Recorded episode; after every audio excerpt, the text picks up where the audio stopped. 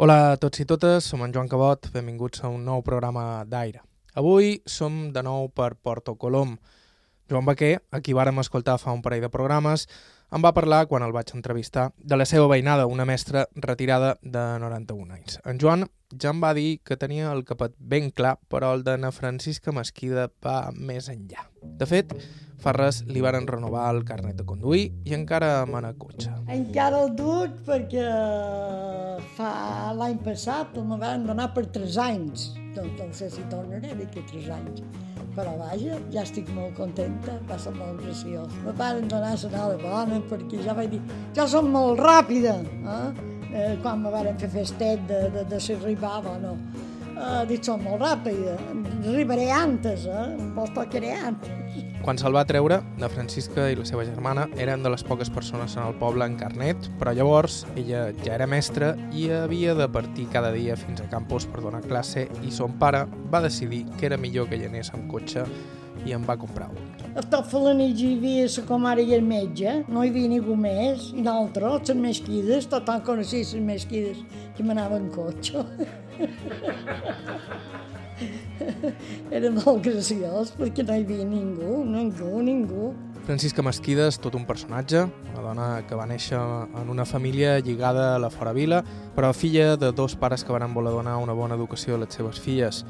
Ella va estudiar interna a Palma i després va dedicar tota la seva vida a l'educació.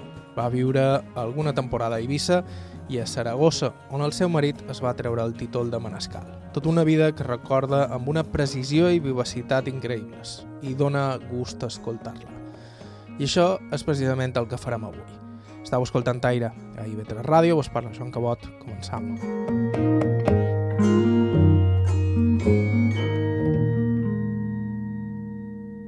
I ho fem, com sempre, amb les presentacions. Són Francisca Mesquí de Roger, venc d'arrels de Fora Vila, completament, de part de pare i de part de mare. Jo quasi hi vaig néixer a Fora Vila. No s'usava en aquell temps anar a les comares a Fora Vila, però sempre hi havia una tia o un padrins que vivia a la vila i, i te deixaven un quarto per anar a parir. I vaig néixer a Falanima, diuen que vaig néixer en passeig d'Ernesto Mestre, alguna casa que devien ser molt amics dels meus pares. Jo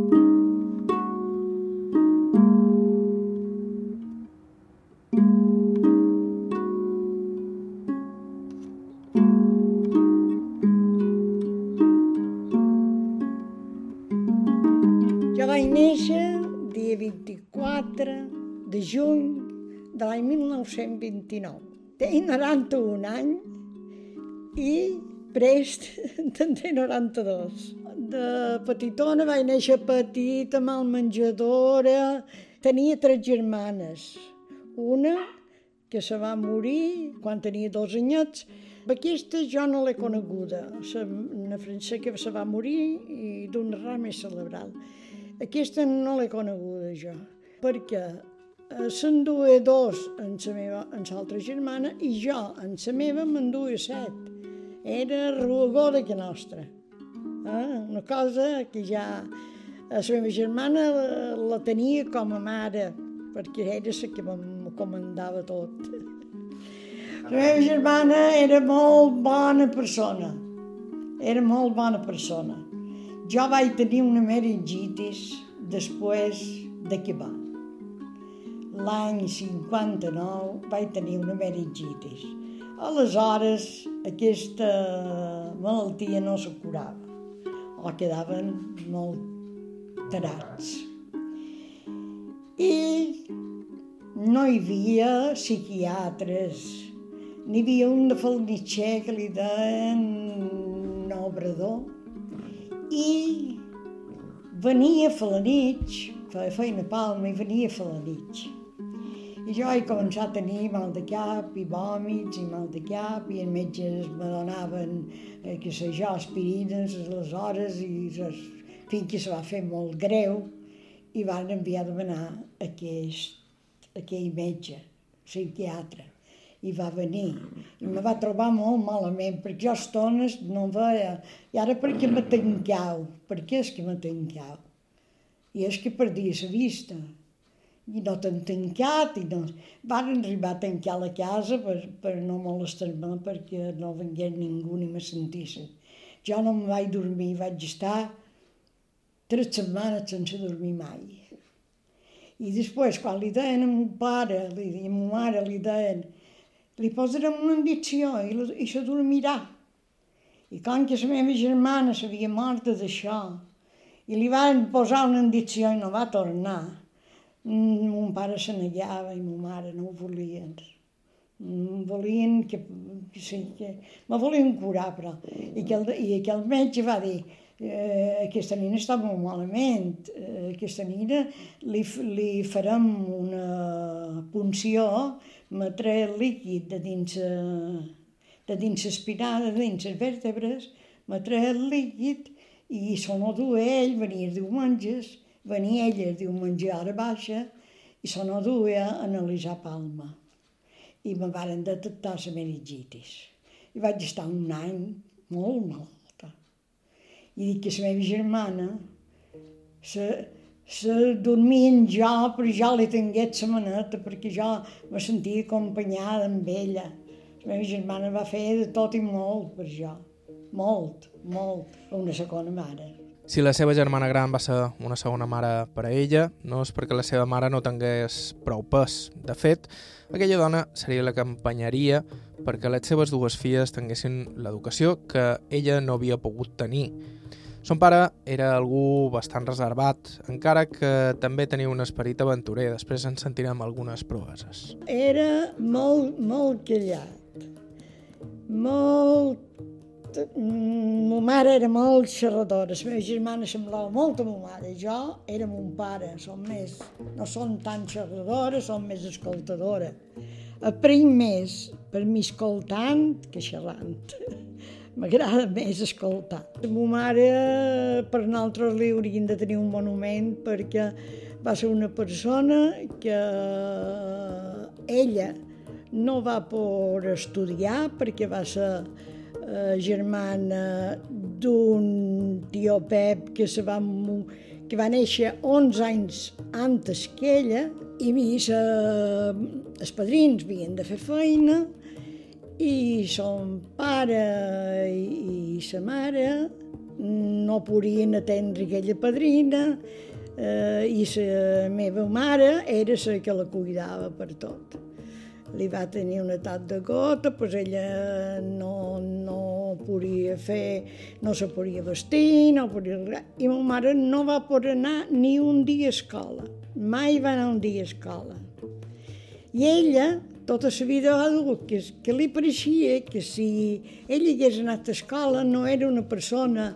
Eh, no, era, no tenia res de boja, sinó al contrari, tenia una lucidesa de càlcul. Aleshores venien eh, els conills i les galines, a terces i unces i coses d'aquestes. Però venia un home per fora vila que mos duia amb un carretonet, mos duia oli, mos duia arròs, sucre, el que nosaltres no teníem. I nosaltres veníem els ous, venien les galines, els colons i conills, el que teníem. I ma mare, tot d'una es parava a pensar, mira, eh, he agafat això i això i això i val tant. Tu t'han donat aquells conills i això i això i, val, són tant de terces i val tant. No sabia posar més que el seu nom com mon pare, tampoc no, no eren ben pagesos, no sabia posar ni, ni el seu nom. Estàvem a una finca que se diu Rafal Nou i hi havia 30 corterades de vinya. I, I jo, ben petitota, ben petitota, me posaven el davantal de la padrina i me feien anar a plegar les espigues quan segaven me ficaven un davantal, me'n feien un parell de voltes i me feien una bossa i a, i a plegar espigues. I el temps que plegava espigues també havia de guardar els ports. I els tenien calor i s'anava a les voreres. Jo frisava molt perquè això no me va agradar gens fer aquesta feina. Però petita, petita me'n varen fer i em vaig fer. Aquell temps no anaven al lloc, no podien s'assemblar ara, però llavors no estaven prohibits. No podien anar al lloc perquè no hi havia un cèntim. Havien de fer molta feina, no podien vendre el que tenien, bé, tampoc no, no cadascú el pagès feia per ell, per ell i pels amics. Veiem ni en blat, a que nostre venia en blat. A que nostre van tenir 30 corterades de, de vinya i, i vermaven. Quan hi havia molta feina, pues jo sempre amb mon pare. La vermada era setembre i no anàvem, no hi havia ni escola de tot marx, però les quimetes no me marxen gaire. I és perquè he fet molt d'esforços, molts. He carregat portadores, a primer un carro, després a, a, a tractorets i després a camions. Jo me posava amb un home i una corda i posàvem a les dues manetes de la de la portadora i per amunt fins que nostre se van retirar de, de, de Fort Vila. Fins que nostre van tornar mitgers i, i estem de, de Vermà, venien un amic de mon pare, de, de, un temps, eren molt amics que se feien amics. Va fer el servici amb un de la pobla i amb un carros d'aquells amb balustres venien quatre carros plens de gent de, Poré, de la pobla ajudant-nos a vermar. I el vespre juerga joventut i juerga. Jo era més petita que la meva germana. Al vespre s'anaven de ball per veïnats encara. I si m'enduen, de vegades les fugia perquè no podia cantar pus. no volia, no mantenien aquella joventut, jo que tenia, eh, sí, 10 anys, 12, eh, sí, no, no els entenia massa bé. Però mon pare duia un poc, un poc eh, eh, les 12, era molt lluny les 12. Mon pare volia que algués molt d'hora i generalment que nostres no eren. Aquell seria l'entorn en què es criaria Francisca Mesquida, que actualment té 91 anys. En tenia 6 quan va començar la Guerra Civil. En uns segons escoltam els seus records d'aquells dies. Serà després de la pausa. Hola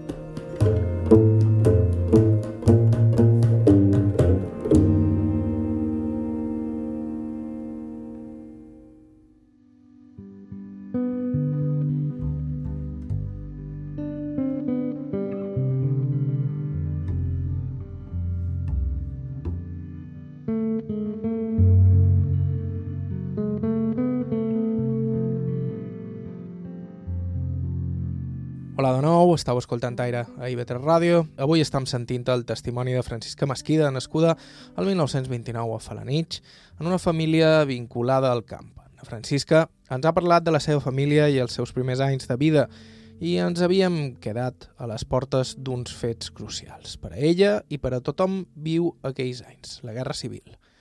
La Francisca tenia 6 anys quan l'estiu de 1936 el conflicte va arribar per aquelles costes. Tenia 6 anyets, 7, no, no sé si els tenia. I quan era tan mal menjador i tot això, me feien estar molt amb els padrins, quan era tan petita. Perquè els padrins tenien temps de cuidar-me, encara els meus pares tenien molta feina. De sol a sol de, havien de fer feina fora vila, em feien com a... Eh, ases. Feina tant en tenien perquè era gran la finca i n'hi havia molta que fer. Llavors havia els animals a arreglar. bueno, es, quan va ser el moviment, els padrins, era juliol, clar, els padrins van dir als meus pares m'ho durant na Francisca en esport. I na Francisca pintura allà amb un banyo, això, cobrarà llana. I això ho varen fer i van venir en esport, que teníem una caseta, i a davant que nostra hi vivia un... no era la Guàrdia Civil, eren carabineros, sí, carabineros, i just davant que nostra n'hi havia, n'hi vivia un. I, clar, era l'estiu, feia fosc, el padrí va deixar les vidrieres obertes. El padrí ja devia saber coses, jo no, el padrí, la padrina no ho sé, però jo no sabia res. I a les 12 de la nit va sentir tocar aquests carabineros i un cotxe, i tocar fort. I, i el meu padrí se va aixecar i se'n a escoltar. I li varen dir, fei via vestir vos, que ja són en el port de Manacor i venen per aquí. Desembarcaran ben aviat aquí, si que vos i veniu tot d'una. I ho varen fer així. El padrí se va colgar, no va dir res, però l'endemà de matí, entrant la claror, ja va dir Francisqueta, fer bolic, que m'on anirem cap a Falanic i aquí no tenim cap feina. Clar, Francisqueta, fer bolic, jo vaig agafar les meves cosetes i amb ells, sense ser de res de res. I quan érem en espín de la Pols, anant aquí a tres quilòmetres d'esport, jo sentia blum, blum, un, un blums de lluny. I, li vaig dir al meu padrí que plou pel llac, jo sento un trons i no veig cap ningú. I el padrí me va dir, jo no en sent. I t'ha escoltat? Torna a escoltar. Saps què farem? Cantarem una cançó i més aviat eh, serem en esport. Jo no veig cap ningú ni sent cap tro. I me'n record que la cançó deia Adiós, gambes d'esport, adiós, adiós, que me'n vull anar, que de tu me ne conhort. I me feia cantar això amb la padrina. Res, arribam a fer la nit, i tot d'una, el padrí, perquè tinguéssim més seguretat, mos vàrem anar cap a la finca, cap a el Rafal. I allà, mon pare, quan vàrem arribar a davant, que nostres veïnats de fora vila, allà que se diuen veïnat, però ha 200 metres, va venir un cotxe, també. Com que eren d'esquerres, mon pare se va alarmar. I mos va agafar i mos va dur a lluny de la casa a un puesto que feien un pou. I en aquell pou hi havia un poquet d'aigua, havien de fer una paret, hi havia un poquet d'aigua i hi havia al mig aigua i les voreres no. I va parar una escala i mos va posar allà de dins, amb ma mare, la meva germana i jo. I ell va dir, i ara tu què faràs? No passeu pena perquè jo m'aniré a la casa, me posaré damunt una figuera, no em veurà ningú, deixaré ben obert i que s'enduguin el que vulguin. I això ho varen fer. I allà vàrem estar dins aquell pou tres o quatre hores. Fins que mon pare va estar ben segur que allà no passava res en el veïnat i va venir a ser hermós.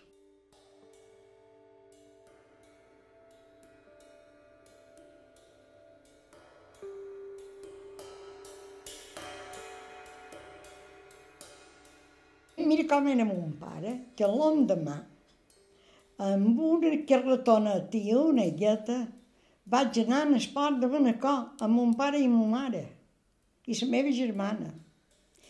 Jo he vist homes per davall figueres morts i penjats. He vist l'església, que no hi havia cap sant dret. Tot estava tot en terra romput. Tot aquell passeig ningú per mig, ningú, cases tirades en terra i morts, aquells morts, també me'n recordaré tota la vida d'aquells morts, que se devien anar i els mataven. Com és que vareu decidir anar-hi? Oh, mon pare era així d'aventurer. Mon pare era un, un aventurer. Jo vaig néixer el 29 i l'any 29 vaig néixer el juny, 24 de juny a dir Sant Joan. I mon pare, dia 29 de juny, a Barcelona hi havia l'exposició, una gran exposició que varen fer a Barcelona. I mon pare li va dir a mon mare, Marieta me sap molt de greu, però tinc unes ganes d'anar a veure l'exposició a Barcelona que no t'ho pots imaginar. I només serà una vegada en la vida. Tu no hi pots venir amb aquesta ninona, però deixes que hi vagi. Vaig si t'anar d'anar. I tot sol se'n va anar a l'exposició de Barcelona i va estar tres o quatre dies. Quan era nina, també va fer una altra proesa amb mon pare.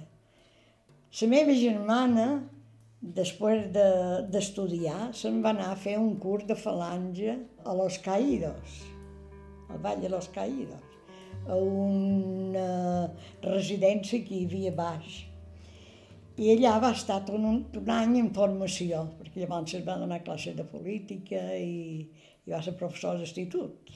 I mon pare va voler a dur-me a les falles de València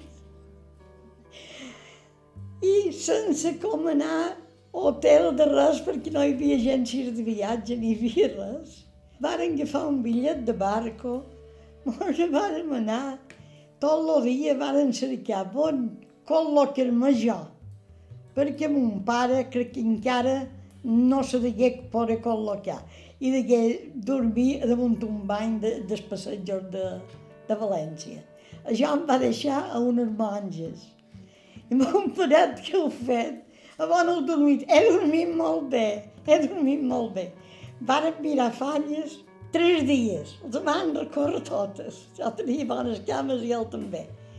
I després, el dia de la crema, que havien de cremar, me diu, el de matí, que els has vist les falles. La plaça de les flors i tot, vas vist tot. Sí, Diu, ai, perquè no anem cap a Madrid. La gent vendrà cap a, a València i els trens aniran buits i nosaltres anirem bé. I per això me va fer fer en els trens, me'n van anar a la mat de Madrid, no tant cap a València.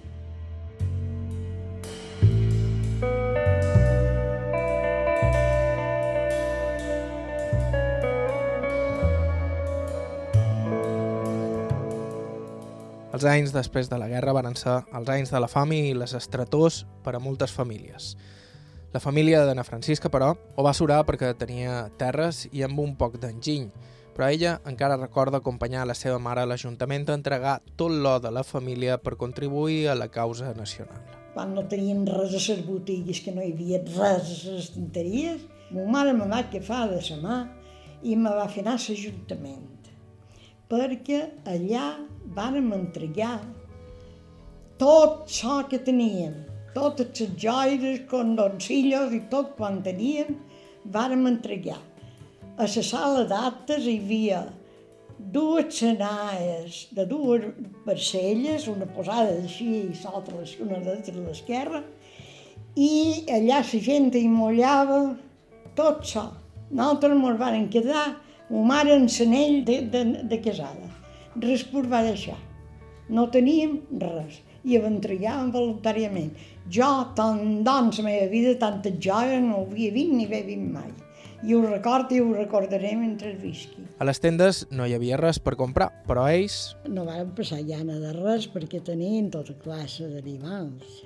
Teníem de tot per menjar, sembraven, sellaven i feien llarbes, això també me'n record, no mos faltava de res, només mos faltava oli i sucre i això. Jo record molt, molt, tu record això per mi, per molt d'any que visqui, no m'ho oblidaré mai, que jo he vist les botigues en les estanteries ben buides. No hi havia res. Res, però res que comprar. No podíem comprar. Res en absolut. Nosaltres podíem ajudar en els padrins i, i amics a el que teníem. Mon pare va, va muntar un molí de, de farina i els vespres feia farina amb una somareta que teníem, volta que te volta, i fèiem farina. Després la porga, la, la, la llevaven el, segó, que aquell segó mos servia pels pares, per donar menjar als pares, per les galines, i després jo era petitona, ja t'he dit, tenia aquells anys, i teníem uns amics a Solla, que eren família de Retomora, que va estar molt d'anys a Flanitx. I aquells amics mos proporcionaven oli. I ma mare m'agafava en so tren i mos anaven cap a Palma i de Palma cap a Solla. Ma mare me feia a posar a la vorereta de la finestra i ella anava, amb un, anava de pagès antiga, duent faldons, i me, de, me deia, aquí no te miraran davall, me posava la farina a avall de, a avall de la cienta de l'estren i ella se posava la vorera, perquè hi havia revisors i miraven un poc a veure què dues. I després també varen conèixer a través dels mores, varen conèixer un senyor Puig que tenia una fàbrica de roba. No tenien roba per comprar, no teníem res, res. Va ser uns anys molt trists. La família sortiria endavant i poc després vendria un nou capítol en la vida d'Anna Francisca, el moment en què començaria a estudiar interna a Palma. A edat de, de 9 anys me varen posar pensionista. Me varen posar, ma mare volia que aprenguéssim, que aprenguéssim qualque cosa. I aleshores no hi havia res, res, Palma que poguessis estudiar. La meva germana va estudiar con, comptabilitat, li deien. Ma mare era que sabés fer comptes eh, per fora vila. En canvi, eh, jo no, volia estudiar qualque cosa i qualque cosa va ser mestre. Si m'he li de... no sé si m'agradaria més anar fent les cases que, que fer de mestre, però va ser una cosa que no va ser de gust fer-ho, però quan m'hi vaig posar ha estat el, el benestar de tota la meva vida. Deies que no sabíeu si anar fent a les cases o fer de mestre. O fer de mestre. No tenia il·lusió. De per, fer de mestre. Per fer de mestre, no tenia il·lusió i, i, i hagués estat l'equivocació més grossa que hagués passat en la meva vida. Per, perquè era una opció anar a fer les cases netes. claro, sí, era una opció. Les cases de molt de senyor. perquè ara qualsevol té una jornalera, però aleshores no, només el tenien cases de senyor. Escoltarem en una estona parlar sobre els seus estudis a Palma, la seva feina de mestre i el seu matrimoni. Estau escoltant Aire a IB3 Ràdio. Fem una breu pausa i continuem.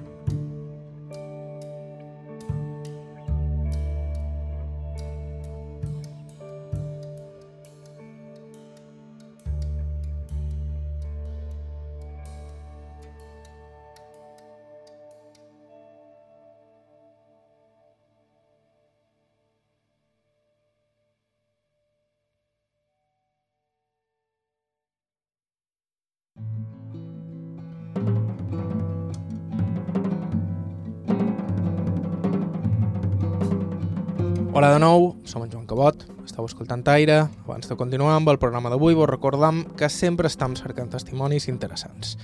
Gent que ens pugui parlar de com eren les coses abans, o que hagi viscut fets insòlids, o simplement personatges amb històries de vida interessants. Si teniu qualsevol idea o suggeriment, ens podeu escriure a aire.ib3radio.com o deixar-nos un missatge al 971 13 99 31.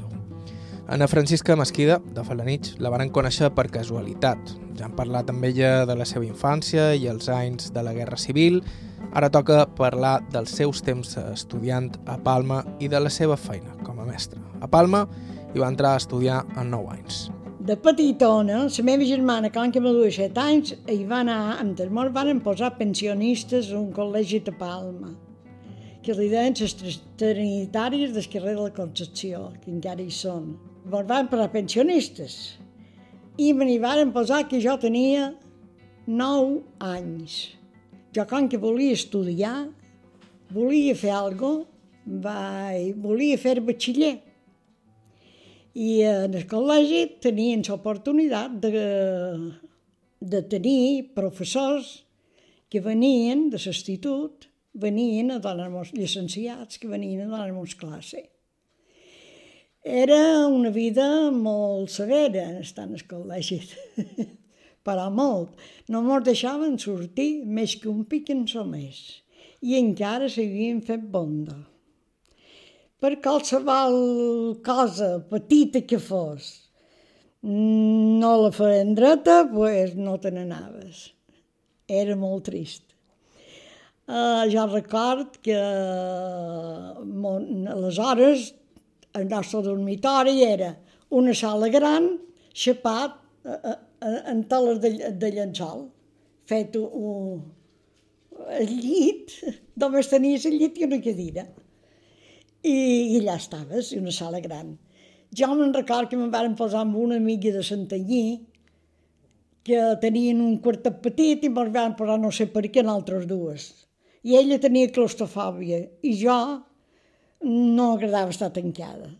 I quan ella, parlava que ella de dormir, i quan ella dormia, jo m'aixecava a tancar la porta perquè en si era molt trist no teníem quarto de banyes, com vos, en aquelles hores no hi havia quarto de banyes. Teníem un barrenyo molt gros i cada curs el seu barrenyo amb unes lletres FM número 24, que ja, ja el tenia, i que el barrenyo ens havien d'anar a dutxar eh, un parell de, de, de tres o quatre, no tampoc eh, les hores tampoc no eren tantes pensionistes, però eren una vintena de pensionistes hi havia de Menorca, d'Arbissa, de pobles d'aquí, de Montuïri, de Sant Cervera, de, de, hi havia de bastant de, de pobles d'aquí.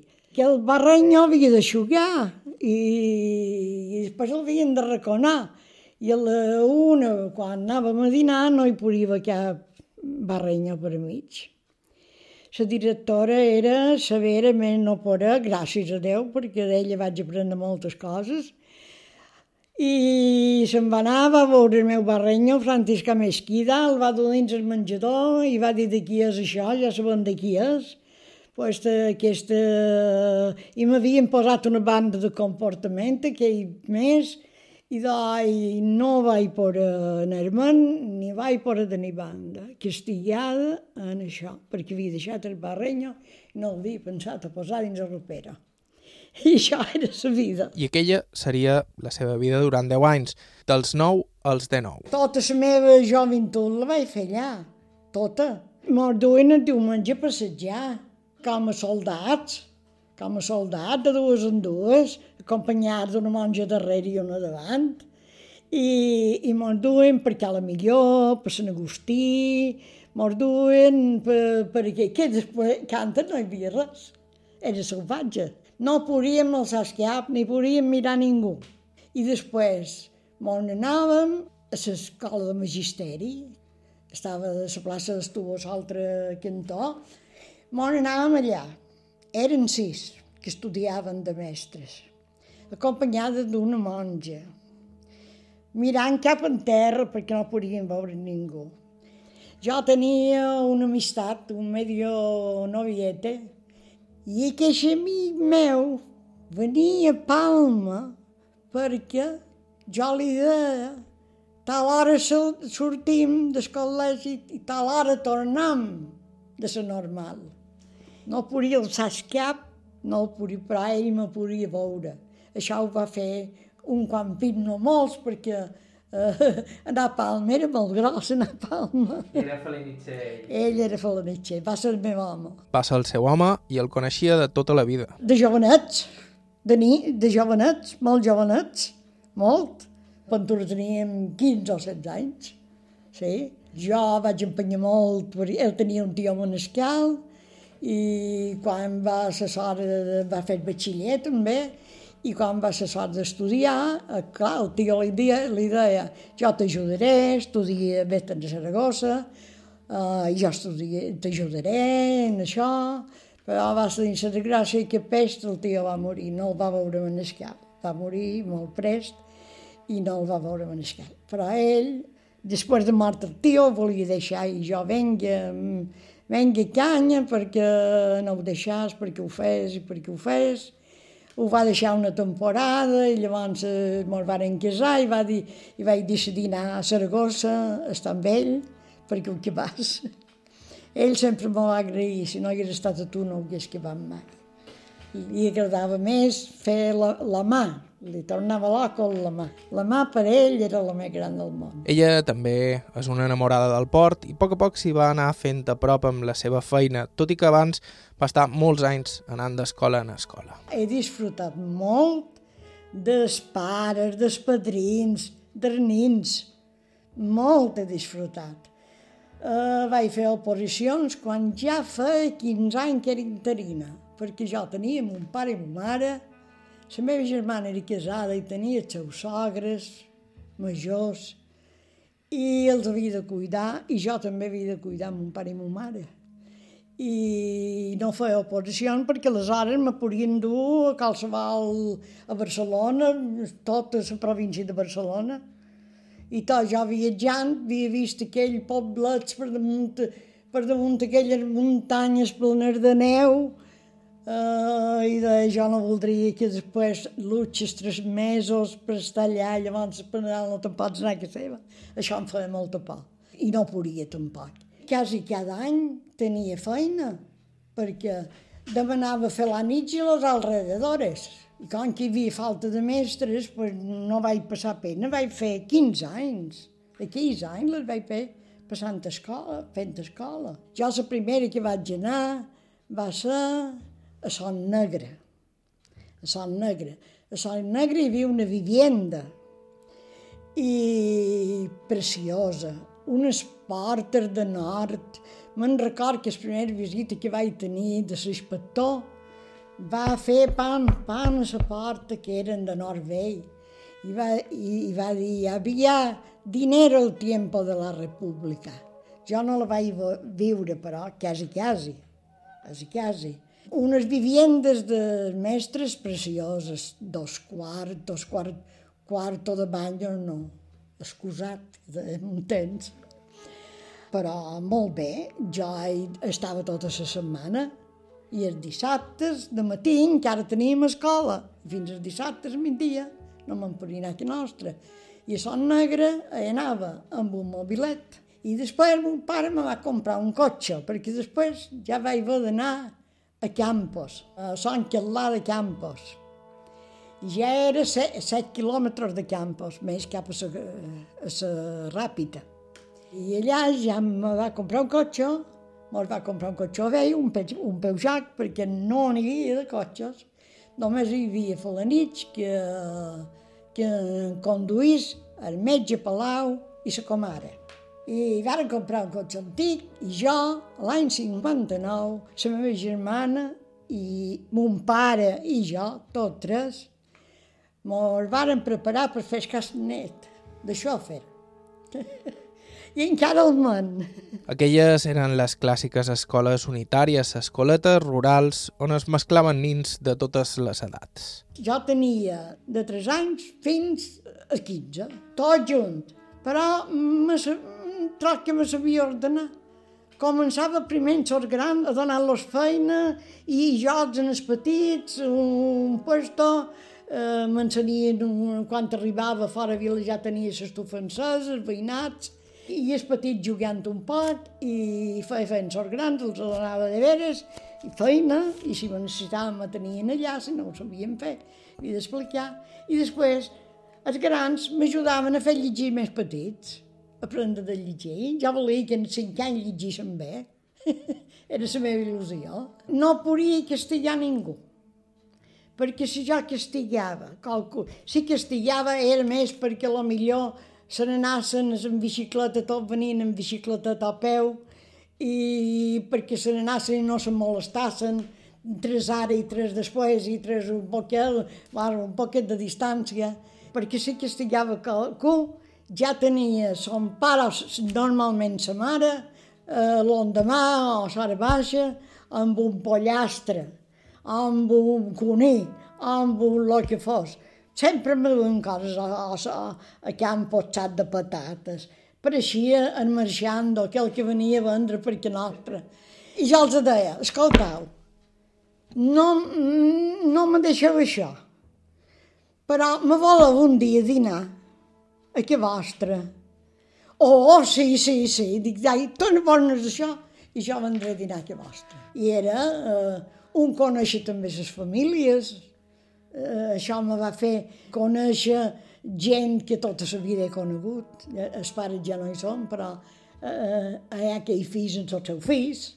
I abans vaig fer operacions, me'n vaig anar forçós a Eivissa un any, era casada, estava aquí en esport l'estiu, m'havia havia fet operacions després de 15 anys de no estudiar. Sí, a Portinats ja hi havia hippies, sí. No, no els veia, ja no els veia mai, perquè eh, resultava que amb una companyera ens varen reunir, perquè el que varen trobar molt difícil a Eivissa va ser la vivienda, trobar on estar eh, i vaig anar amb una que era casada, eh, de Santa Margarida, Figueruelo, i està, que, estava que, està casada amb un formenterenc. I ella estava basada a fer aquells viatges. Anar i venir d'Arbissa, se n'anava a veure la família d'ell. Perquè tenien una nineta i la s'enduen, però jo no estava basada. I allà mos van posar una pensió, tot d'una una pensió, ens varen juntar amb un jove d'Àvila, en aquella pensió. Era un, un quarto amb un llit de matrimoni, que havien de geure totes dues, cap cadira per seure, havien de seure damunt el llit. I un, i un vàter en el passillo. El primer vespre, quan ens vàrem anar per dormir mos, varen xerrar i, i, i vam anar per, per dir molt bona nit. Ve eh, aquell jove d'Àvila, el mestre, i mos diu, escuchad, si tenéis miedo de las ratas, cuidado que en el váter hay una así.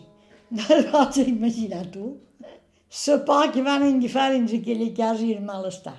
I van començar a cercar i cercar. I perquè eren mestres encara mos escoltaven. Perquè eren mestres que sabien que a final de curt, que en el juny, nosaltres partiríem i van arribar a trobar, jo vaig mirar totes les monges, però les monges tenien el seu calaix tancat, la seva vida, i no volien que una altra ja persona, que ja era jo major, m'enterar de com vivien. Vaig mirar una residència, en aquella residència el vaig trobar també molt trist, bé, fins que van arribar a trobar un pis i en aquell pis vaig viure. Que, que clar, en família també no, no, no, no vius tan, tan bé, tanta llibertat com si estàs tu libre. I vaig arribar aquí en Sermó de, de també estar, i vaig estar per mi tres mesos, en la Figueroa, la mare i la Nina. I l'home que venia a fer de setmana. Llavors vaig cercar una casa particular a Passeio Vall de Rei, a damunt la, la caixa. Un pis de la caixa, molt bé, una dona viuda, tota sola, i me vaig instal·lar allà. I me n'anava el dissabte, venia, i el dilluns de matí partia. Tornava a partir cap allà. Si hi havia un divendres que fos festa, me n'anava el dijous, cercava una substituta, que aleshores me cobrava 300 pessetes, me cobrava, de, de, de 4 hores d'escola, però la pagava i venia, i per això eren unes vacacions. Quan era a Eivissa, na Francisca va aprofitar el temps, es va preparar les oposicions i finalment va treure plaça pròpia com a mestre de preescolar. No vaig poder venir per EGB, però vaig poder venir per preescolar i vaig venir per preescolar i ja no em vaig moure mai de preescolar. Vaig estar a Llumajor, vaig estar a Campos i, i a Flanitx. Hi ha gent que no vol ser mestre el seu poble, però ja me feia molta il·lusió la mestra del meu poble. Jo me vaig, me vaig passar molt bé. Aquell nen se parlaven a jo quan arribava, oh senyorita aquest de guapa, ja arribava amb un cotxe sempre, ja, ja no vaig deixar mai cotxe. I aquest de guapa, i que va de guapa, i, i era un carinyo. Ha de ser molt carinyosa i ells ho, ho són en tot.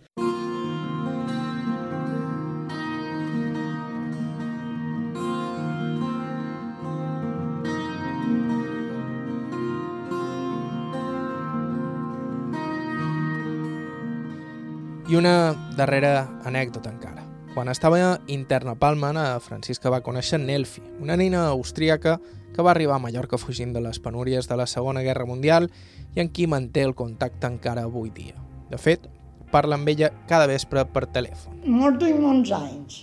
Ella ara té 11 menys que jo, o sigui 80. I varen dir de que allà que hi havia la guerra, la guerra i eh, Àustria, era austriaca. Van demanar per els pares a Càritas per poder dur aquestes nines si un cat salvar aquestes nines si morien son pare i sa mare. Estava a Viena, elles de Viena, i està bombardejat tot. Ell va dur uns retratos de tot, de tot. Esto es mi lado i, i, i la catedral i tot estava molt ruïna. Bueno, va acabar la guerra i no varen tenir permís per dur-les. Però els alemans són quadrats, els, els austriats també. Els pares són pare i sa mare, quan les varen donar el permís ja no hi havia guerra, però els van ho varen demanar per necessitat, però ara també vull que hi vagi perquè així les famílies que ho varen sol·licitar ho tinguin. I jo aleshores estava en el col·legi, encara estava, estudiava. Va venir l'hora de venir-la a cercar, una família amiga meva me, me va acompanyar a l'acció catòlica en el que rezava allà, que era llavors, i aquestes nines venguent, van venir en tren. Se van aturar a Santander. A Santander ja les van hospedar. I van estar de ver vuit dies a Santander. Després se'n van anar cap a Menorca, perquè en duen de menorquines. I antes de venir a Mallorca se'n van de Menorca. A Menorca les varen tornar a hospedar. Fem maleta i vestant ja fa vuit dies, ella se trobava ben, molt bé, alguns la nostra se trobava molt bé perquè eh, va trobar una casa amb nins i, i, i beníssim, se trobava. Quan li van tornar a fer la maleta, buf, no, sé, no sabia on aniria. I van venir cap a Mallorca. A Mallorca, quan van a Palma, la vaig donar al col·legi amb aquella amiga meva. I després de dinar, on van anar, a cada d'aquests amics meus, aquesta família villa. I a les cinc li vaig dir, Elfi, totes, poses totes les cosetes aquí dins, perquè no mos en teníem en res, totes les cosetes que m'han han de tornar. Aquella nina ja no podia més. Ja no podia més. Va pligat el trasto i varen partir amb un autocar cap a Falanich. Arribàvem a Falanich i a Falanich veïnats quan vàrem arribar espera-la a veure quina cara tenia, a veure com era aquesta nina. Veïnats, ja no volia entrar, la vaig dur cap al seu quarto, se va tancar fort, van arribar a Espanya. Una odissea. Ja no volia, no volia respús. I, i bueno, però tot en carinyo tot s'arregla. Aviat vam ser ben amigues, L'any passat vaig fer 90 anys i és de repit que m'ho vistes. Però xerrant cada dia per telèfon, sí. Esperem que encara ho puguin continuar fent molts anys.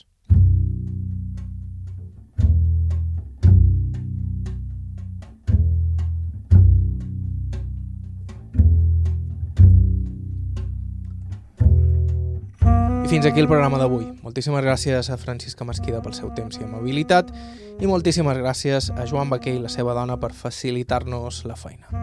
Si voleu suggerir-nos algú per entrevistar, ens podeu enviar un correu a aire.ivetresradio.com o bé deixar-nos un missatge al 971 13 99 31. Vos podeu subscriure al podcast d'Aire a qualsevol dels agregadors disponibles i a ivetres.org barra carta i trobareu tot l'arxiu del programa. La música que ha sonat avui ha estat de Joshua Abrams, Mary Sanderson, amb Jim White, Jacob Bro i Chris Speed. Bàrbara Ferrer, la producció executiva, vos ha parlat Joan Cabot, Gràcies per ser a l'altre costat i fins la setmana que ve.